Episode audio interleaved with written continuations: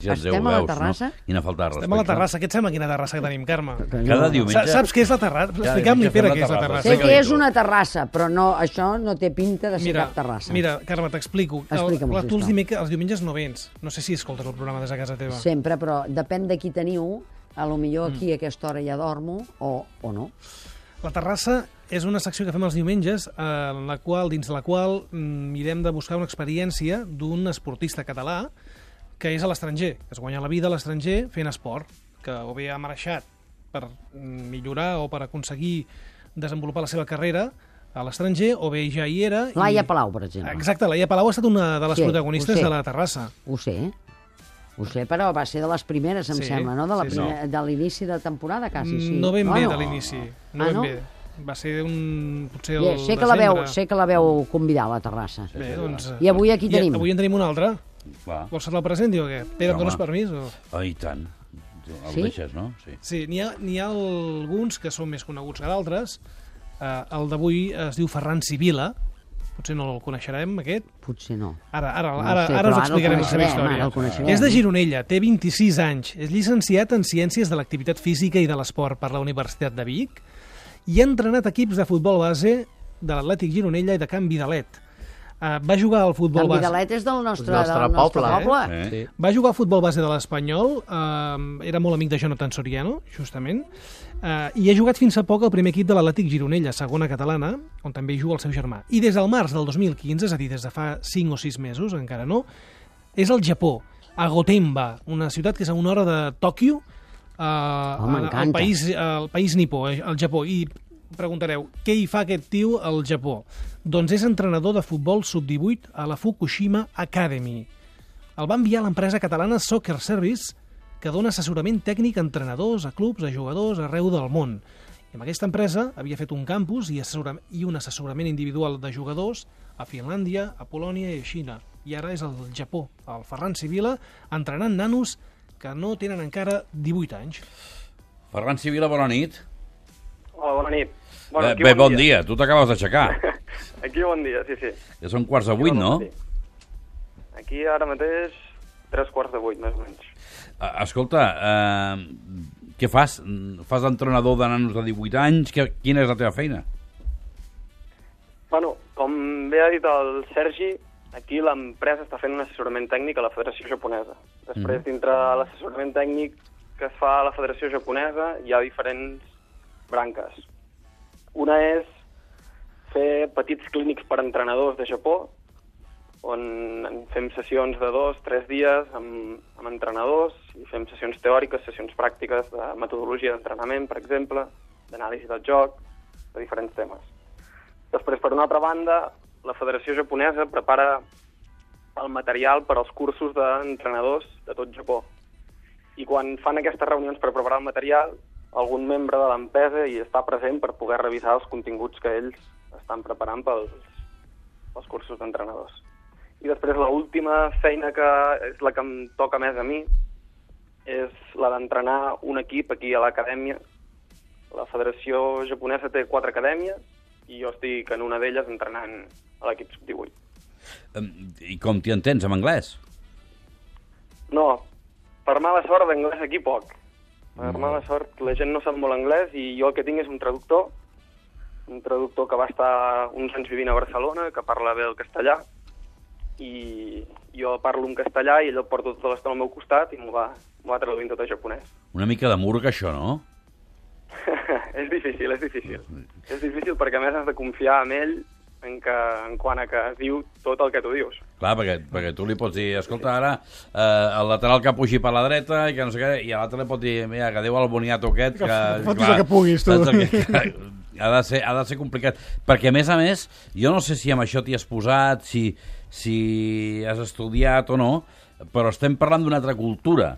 I, i, i cada cultura té una manera de rebre els missatges, d'interpretar-los, eh, d'assumir-los i d'executar-los. Eh, i, I em fa la sensació que aquesta gent són molt disciplinats, és a dir, que si tu els dius correu fins al fons del camp i us tireu pel barranc, ho faran, eh, però mm, si els dius quan arribeu a mig de camp inventeu alguna cosa, eh, es tornaran bojos. Saps el que et vull dir? Tens, tens bastants de raó amb això, tens bastant de raó. De fet, a vegades quan entrenes algun concepte, si després la situació canvia una mica, els hi costa molt resoldre-la, perquè ells diuen, ostres, però tu m'has dit exactament això, ells fan exactament el que els hi dius. Els hi costa molt improvisar. Però ja és un què, no? Ja és un què? No, home, des, del, des del punt de vista... Això és el que et convé a tu, que tu, com en una altra vida vas ser sergent de l'exèrcit nord-americà No a és Corea... així, eh, Ferran? No et no, li pensis estic que sigui dient, li així, estic eh? dient a la Carme Lloberes. Ella l'única cosa que entén és que si dona una ordre, la gent l'ha de Home, seguir mira, te sense dubtar. ja és un però, què. Sí, però, i això està molt bé, això és un avantatge. Però, però el problema que té el, el Ferran, estic convençut, és fer-los entendre que hi ha moments en què ha de ser la pròpia persona la que ha de decidir en una situació que no és exactament com la que s'havia plantejat, no? No. Per posar-te un exemple, un dia veus a un equip i fa una jugada d'estratègia de córner. Doncs tu després, amb, amb els jugadors, els dius, cuidado, que quan hi hagi un córner, que és una situació molt tancada del joc, ells fan aquesta jugada. I després ells només estan pensant en això. El primer cop em va passar, ells només pensaven en aquella jugada. Al final l'equip contrari va fer una altra jugada i ens, i ens va fer gol. Perquè ells només estaven pensant en que ens farien aquella. No, no estaven pensant en, en una altra situació de joc. Ara, ara ja ho he pres i quan els hi explico alguna cosa així els dic, aviam, pot ser que ens faiguin això, però també podria ser que no ho fessin. Per tant, hem d'estar en compte de les, de les dues coses. Quina feinada, mare. Són coses que, són coses que es van aprenent a poc a poc quan, quan estàs tractant amb ells. I, I el nivell tècnic, Ferran? Mhm. El nivell tècnic tècnic dels jugadors?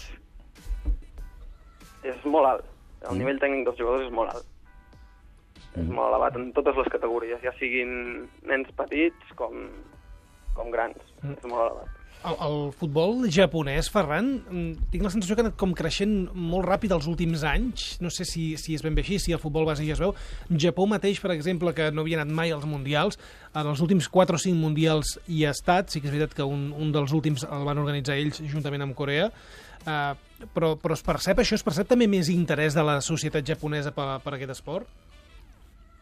Doncs sí que està creixent molt. Uh, segurament el béisbol encara és el, el primer esport aquí al país, però cada vegada més hi ha més gent que practica futbol i sempre que ho demanes amb, amb la gent ho estan dient, no? que el futbol, els camps, abans estaven més buits i ara els estadis estan sempre molt plens de gent.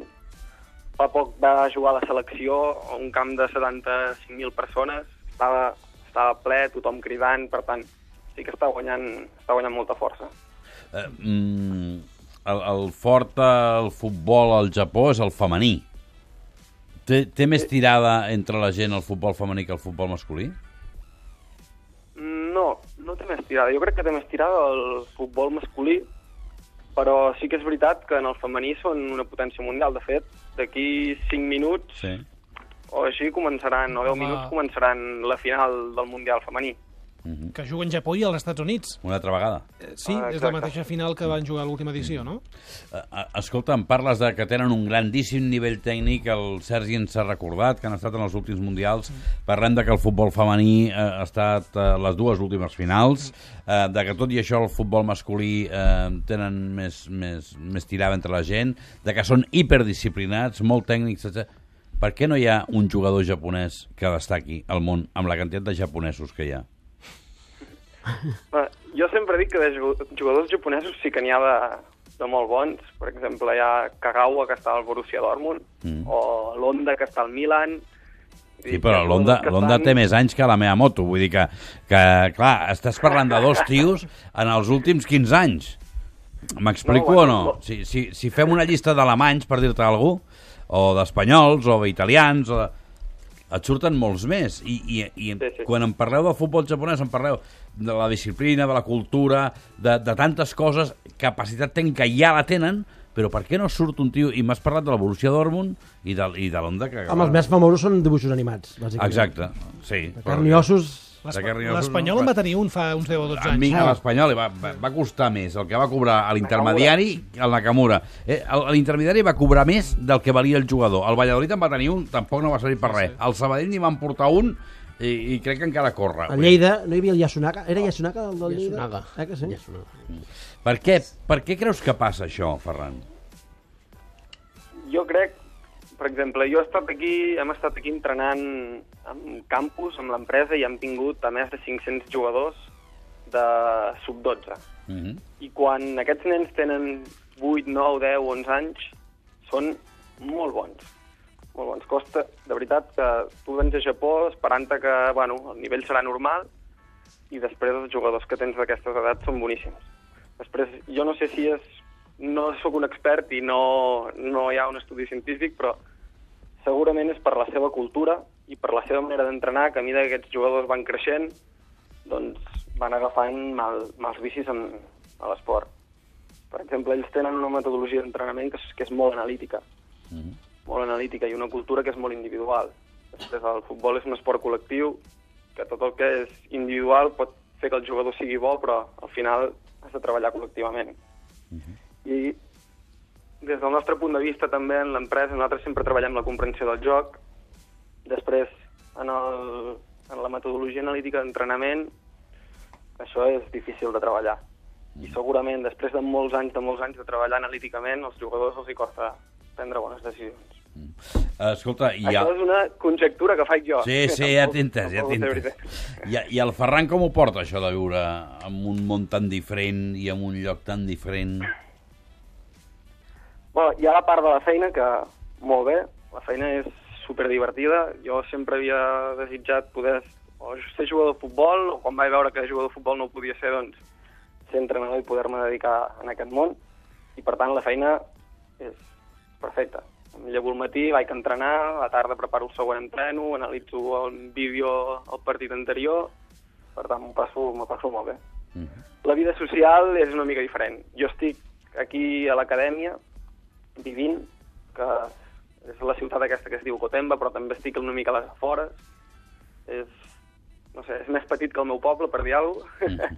en, quant a, en quant a sensació, és que sigui més petit. Després té 80.000 habitants, però aquí està tot molt repartit i jo, si surto de l'acadèmia, doncs, hi ha tres casetes aquí al costat, un camp de futbol i un parc.